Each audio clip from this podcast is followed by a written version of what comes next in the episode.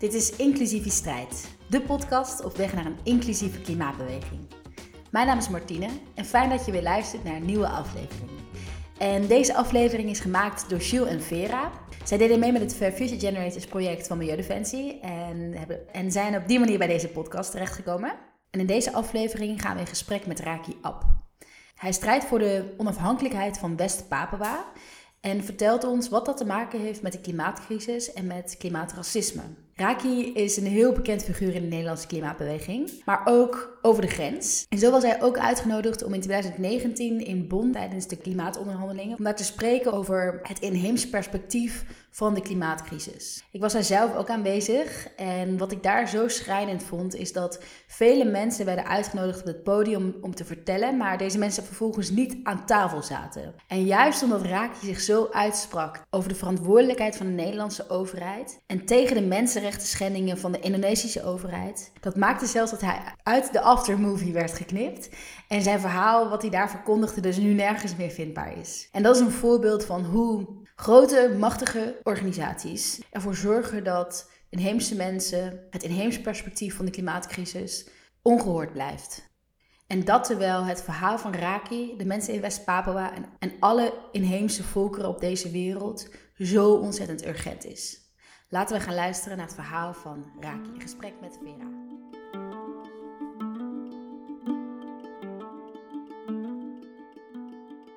Hoi, ik ben Vera.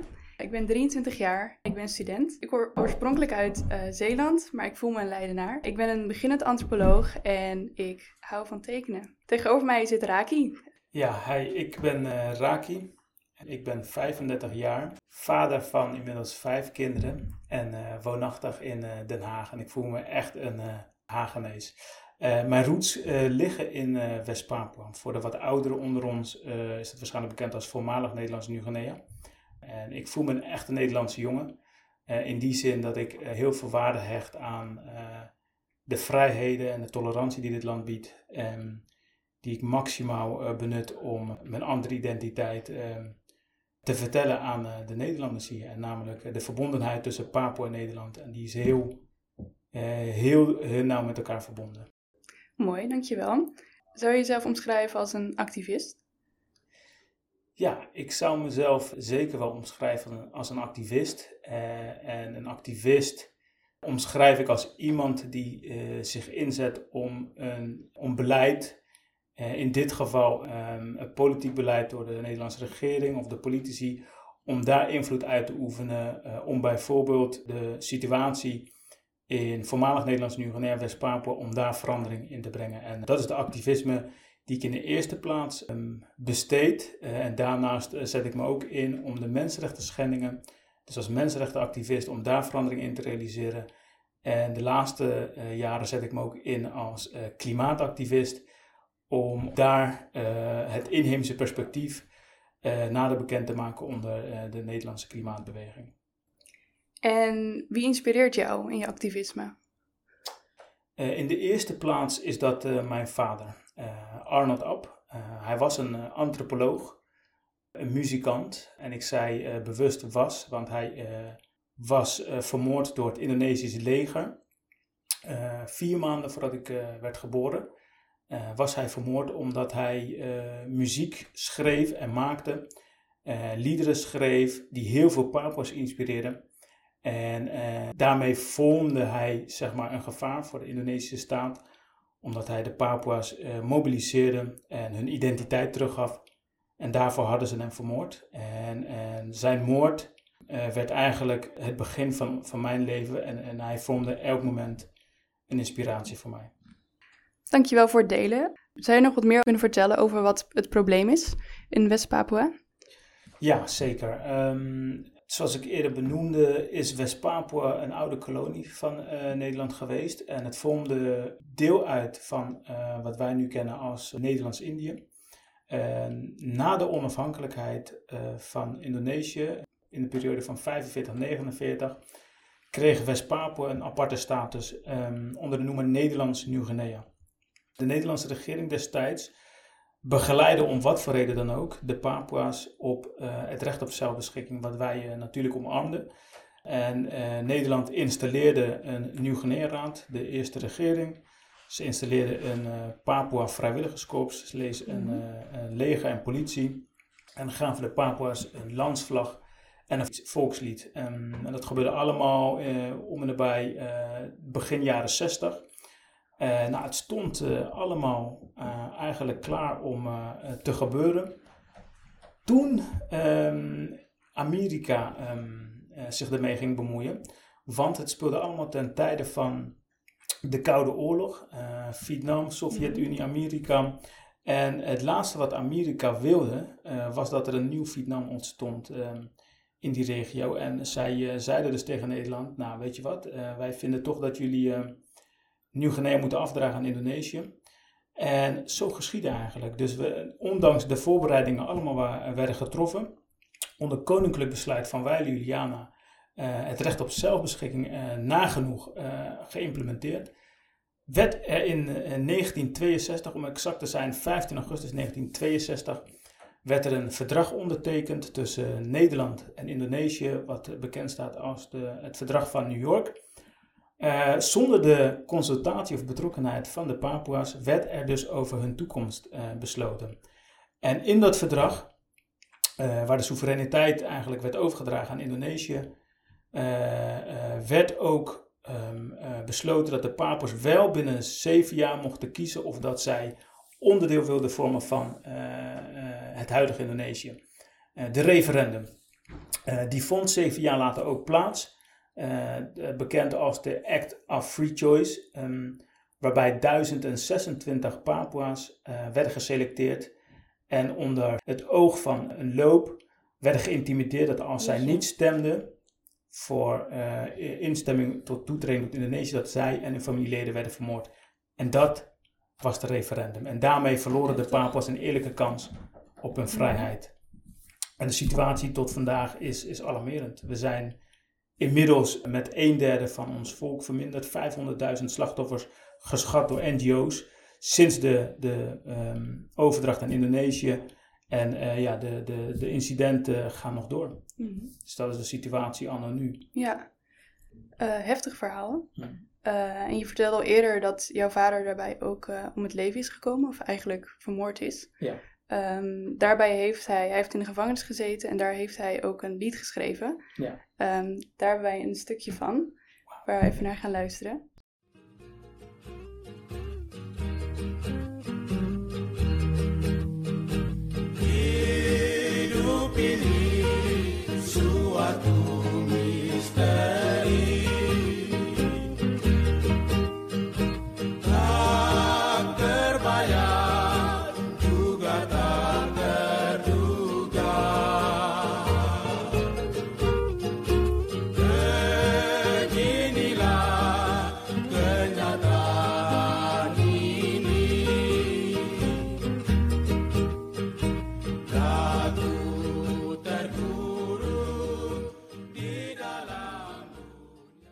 Dit lied, er, is weinig, uh, er zijn weinig dingen die mij, uh, die mij emotioneel raken, maar dit is één lied dat, um, dat mij altijd ja, emotioneel maakte. En de reden is dat dit zijn laatste lied was voordat hij werd vermoord in de gevangenis. En nou, dat was dus ongeveer vier maanden voor mijn geboorte. En het bijzondere aan dit lied is dat het zelfs vandaag nog heel veel activisten, academici, religieuze leiders inspireert, omdat dit lied uh, iets zegt over de identiteit en de wens van alle Papua's. Uh, en ik denk dat dat uh, ook mijn vader omschrijft. Wie hij was en dat hij vandaag nog wordt gezien als de man van identiteit, de man van cultuur, omdat zijn liederen erover gingen dat het belang van onze identiteit iets is wat ons Papua maakt. En het lied zelf gaat over de wens naar vrijheid en het mysterie van het leven. En dat werd zijn laatste lied. Maar dat was voor mij het lied wat omschreef waar hij voor stond en wat onze missie nu is. En ik denk dat dat mij uh, heeft gevormd tot de persoon die ik vandaag ben geworden. Mooi. Een soort van de kern van, het, van waar jij voor strijdt. Absoluut. Het, verbindt, het verbindt alles samen. Ja. ja. Je zei ook dat, uh, dat hij zingt over vrijheid, vrij als een vogel. Ja. En dat het ook staat voor de vrijheid die West-Papua, dat zij daarvoor strijden. Ja. Daarbij kom ik dan, denk ik dan ook aan het kolonialisme. Ja. En wat is eigenlijk de link tussen het kolonialisme en de klimaatverandering? Ja, super interessante vraag. En ik denk een hele relevante voor alle mensen die zich inzetten om klimaatverandering aan te pakken. En dit is zeg maar een element wat in mijn activisme de afgelopen twee jaar erbij is gekomen. Los van uh, een politieke activist, een mensenrechtenactivist, heb ik net ook benoemd dat um, ik een klimaatactivist ben. En daar komt deze vraag eigenlijk volledig tot uiting. Uh, omdat ik heb ervaren wat er in West-Papua gaande is. Wat maar één voorbeeld is van heel veel locaties in de wereld.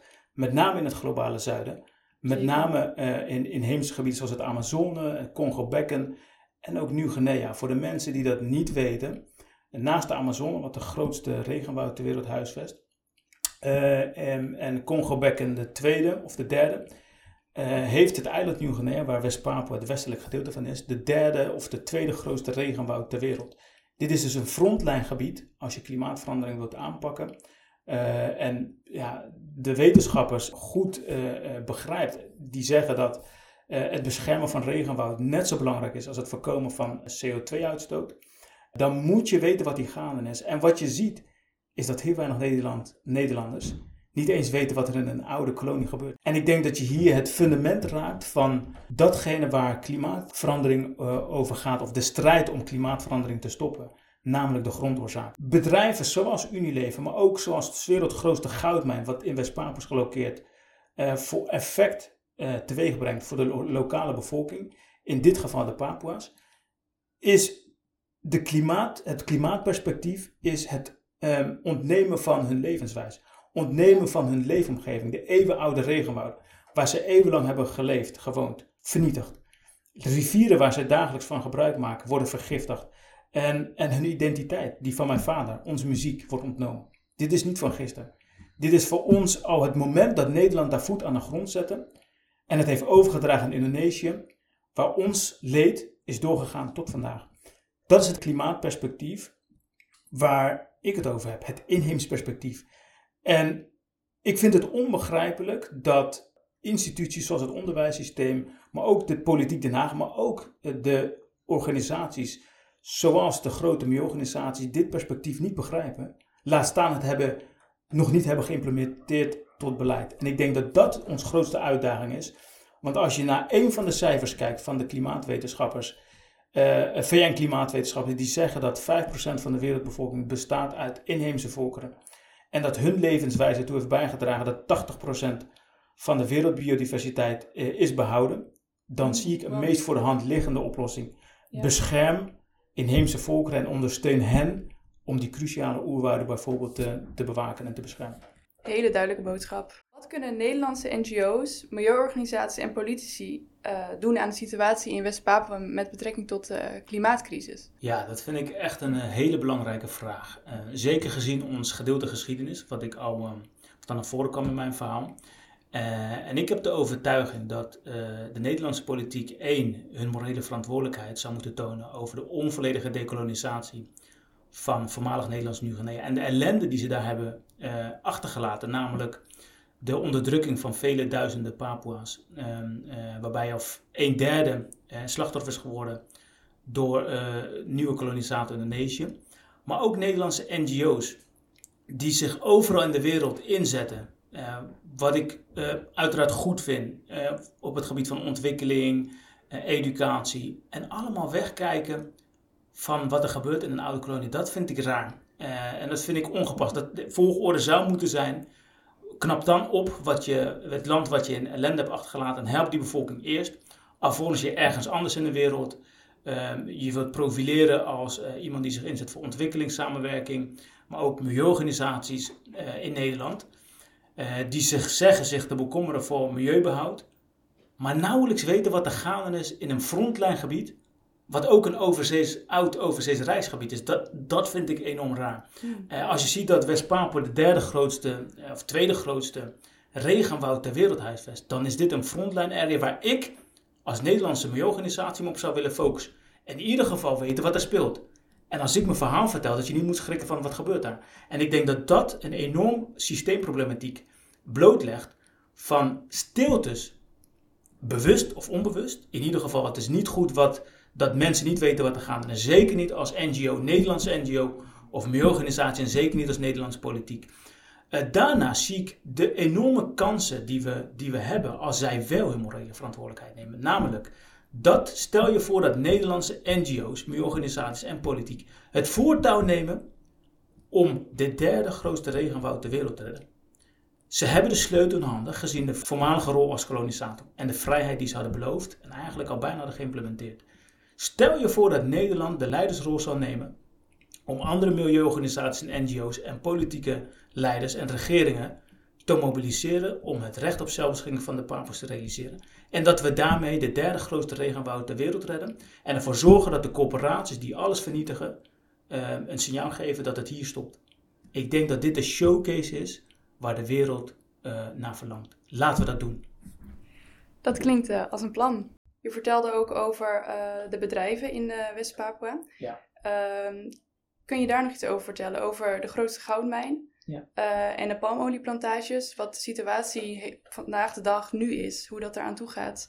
Ja, ja dankjewel. Ja, inderdaad. Het, het, het controversiële Waardoor, uh, en dat, dat, sluit een beetje aan op de vorige vraag, uh, maar is juist de wijze waarop wij ons vrijheid zijn verloren, namelijk die referendum. Uh, het illegale referendum dat niet conform het principe one man, one vote is verlopen. -hmm. Voordat die referendum plaatsvond in 1969, werd er al een contract gesloten tussen die goudmijn en de Indonesische staat in 1967. Nou, dat, die omstandigheden zijn uiterst verdacht. En hier zie je de betrokkenheid van corporaties zoals die wereldgrootste goudmijn. Dat is de grootste belastingbetaler aan de Indonesische staat. En, en ja, de grootste goudmijn ter wereld. Dat is nog wel een economisch um, uh, belang voor de Amerikanen in geval. Ja. De Papers die zien er niks voor terug. Wat we wel terugzien, is de intimidaties die voortkomen uit de financiering door diezelfde goudmijn aan Indonesische militairen die het gebied zogenaamd beschermen. Uh, wat zij doen is de mensen wegjagen van hun land, zodat de mijnbedrijf um, kan ontginnen, uh, bossen gekapt kunnen worden. Um, ten koste van natuur, milieu en in dit geval heel veel mensenlevens. Um, uh, dus dat is het perspectief waar multinationals een ontzettend belangrijke rol spelen in vernietiging van cruciale ecosystemen. En waarbij, laat ik dat niet onbenoemd laten, de Nederlandse regering, de Nederlandse ambassade in, in Indonesië een belangrijke faciliterende rol speelt. En dat was toen zo, maar dat is, dit, dat is anno 2020 nog, nog exact hetzelfde. Want als je kijkt naar uh, het bezoek van koning Willem-Alexander afgelopen maart, dan is hij het paradepaardje van al die Nederlandse bedrijven die daar weer voor mooie contracten meereizen. Ja, en wederom ten koste van de lokale bevolking. Ja. En ik denk dat Unilever, die zat ook in de delegatie van Nederland en die is daar omdat zij palmolie nodig hebben voor al hun pro producten. En Indonesië is de grootste exporteur van, van palmolie, met name naar Europa. En een groot deel gaat naar Nederland, naar Unilever. En dan zie je wat voor een invloed zo'n bedrijf kan hebben. Maar de afgelopen 50 jaar hebben zij niks gegeven om de levens van papers. En dat is wat ik ze verwijt. En dit zijn de perspectieven waar we het over moeten hebben binnen nou, alle instanties die daar iets mee doet. En die geeft om milieu, om biodiversiteit, om, om mensenrechten. Want wij hebben ze de afgelopen 50 jaar niet gezien. En ik denk dat dat iets is waar ik me als inheemse klimaatactivist enorm voor inzet. Ja, dankjewel. Wat een, zo interessant hoe deze structuren zo blootgelegd worden door jouw verhaal. Ik denk dat... Uh...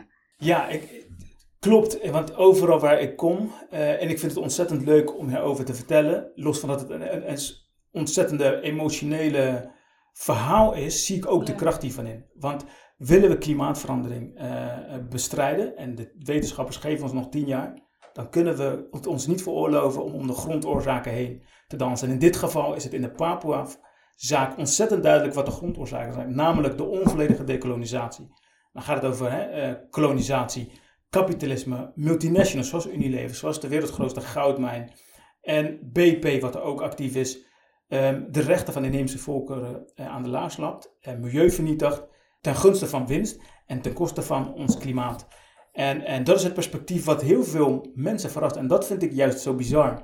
Dat, hoe kan het dat mensen dit nog niet begrijpen? Dat komt omdat ze uh, stil zijn de afgelopen decennia over ons verhalen. Wij hebben niet de ruimte gekregen om ons verhaal te doen. En als ik zeg we, bedoel ik niet alleen Papua, maar de vele landen en volkeren, inheemse volkeren in het globale zuiden. In het Amazone, in Afrika en het Congo-bekken. Dit zijn soortgelijke verhalen.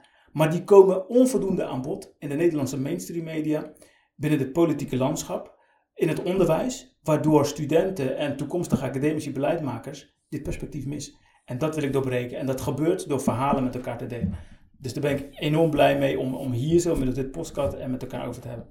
Ja, dus als ik het goed begrijp, zie jij als, als oplossing dat het, het inheemse perspectief gewoon veel meer naar voren moet komen. Dat we daarop moeten gaan focussen. Absoluut. Sterker nog, ik denk dat we uh, onszelf het niet kunnen laten veroorloven om dit cruciale perspectief, als je kijkt naar de cijfers van de VN-wetenschapper zelf, en je ziet het ook nu terug in de EU Biodiversity Strategy, hoe belangrijk dit inheems perspectief is. Dit zijn de beschermers van onze cruciale wouden, um, bomen. En, en we moeten met hen om de tafel. Zij weten heel goed, als ik dan reflecteer op de Papua's, wij weten hoe, heel goed hoe we ons land moeten beschermen. Maar dan moeten we wel controle hebben over ons eigen land. En dat gebeurt als de kolonisatie beëindigt. En dat wij kunnen zeggen welke bedrijven daar wel of niet mogen komen. En dan kunnen we die bossen beschermen. En voor ons is het belangrijk dat er goed gekeken wordt welke inheemse groepen hebben welke behoeftes nodig. En ik denk dat daar vanuit milieuorganisaties, vanuit de politiek, beleid opgemaakt zou moeten worden. Maar dat kan niet zonder hen. Zij moeten aan tafel zitten. En ik denk dat daar een cultuur is waar we verandering op moeten aansturen. En ik denk dat iedereen die hier omgeeft dit perspectief zou moeten omarmen. Duidelijk. Ehm, maar hoe komt het eigenlijk dat er tot nu toe nooit echt naar inheemse groepen is geluisterd? Ja, dat vind ik een hele interessante vraag. En, um, want men schikt er nog van, is mijn ervaring. Uh, of het nou is bij uh, um, events waar ik voor word uitgenodigd om presentaties uh, te geven binnen de klimaatbeweging. Of het nou is de, als ik een gastcollege geef op universiteiten, waarbij zowel de student, maar ook de docent gewoon heel erg schrikt overdonderd wordt door dit verhaal. Dat heeft voor mij in ieder geval ontmaskerd dat er onvoldoende inzicht is over deze cruciale thema.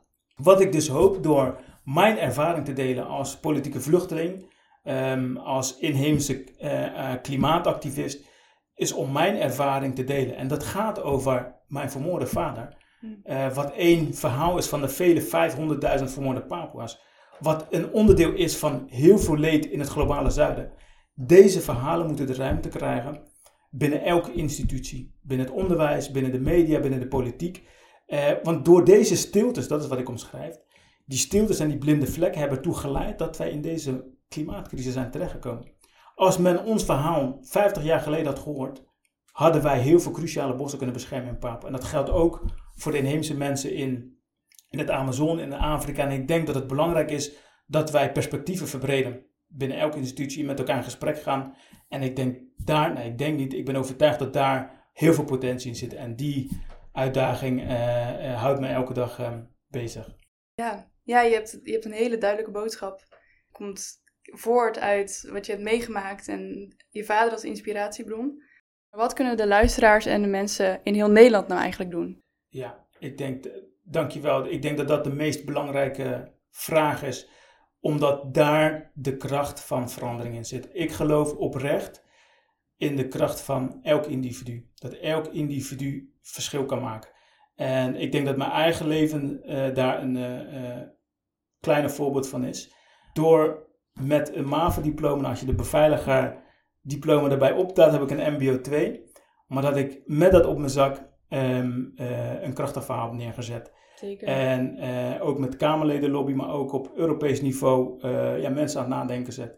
En ik denk dat uh, verhalen, de kracht van verhalen hiermee getoond is. Um, en wat ik hoop is dat elk luisteraar die verandering wilt realiseren, in zichzelf gelooft. En vanuit zijn of haar eigen kracht die verandering realiseert door een verhaal te vertellen op je eigen manier. Ben je muzikant, dan maak je muziek, vertel je een verhaal. Ben je een docent, dan eh, vertel je je studenten iets. Ben je een burger, dan kun je op elke manier eh, deelnemen aan een activiteit om een verhaal aan te horen en later een verhaal te vertellen. Maar iedereen kan impact maken. En ik denk dat als we dit inheems perspectief omarmen, eh, dat we het bespreekbaar maken binnen een vereniging waar je lid van bent, ik denk dat dat een enorme kracht van verandering kan zijn. Ja, dat denk ik ook. Um, ik wil je heel erg bedanken, Raki, voor je verhaal. eh, heel persoonlijk en tegelijkertijd ook heel, heel breed. En van toepassing op eigenlijk de hele wereld en op iedereen, denk ik. Ehm, bedankt daarvoor. Ontzettend blij dat ik hier mocht zijn. Dank jullie wel. Je luisterde naar Inclusieve Strijd, de podcast op weg naar een inclusieve klimaatbeweging. Ik wil Vera, Gilles en Raki heel erg bedanken voor het maken van deze podcastaflevering. En ik hoop dat je na het horen van dit verhaal ziet waarom het zo urgent is dat de stem van de inheemse volken gehoord wordt en dat ze een plek aan tafel krijgen. In de volgende aflevering gaan we in gesprek met Francio Guadalupe over hoe natuur en cultuur onlosmakelijk verbonden zijn op de Caribbean. En wil je in de tussentijd meer weten of wil je met ons meepraten? Stuur dan een e-mail naar martine.inclusiviestrijd.nl. Tot de volgende keer.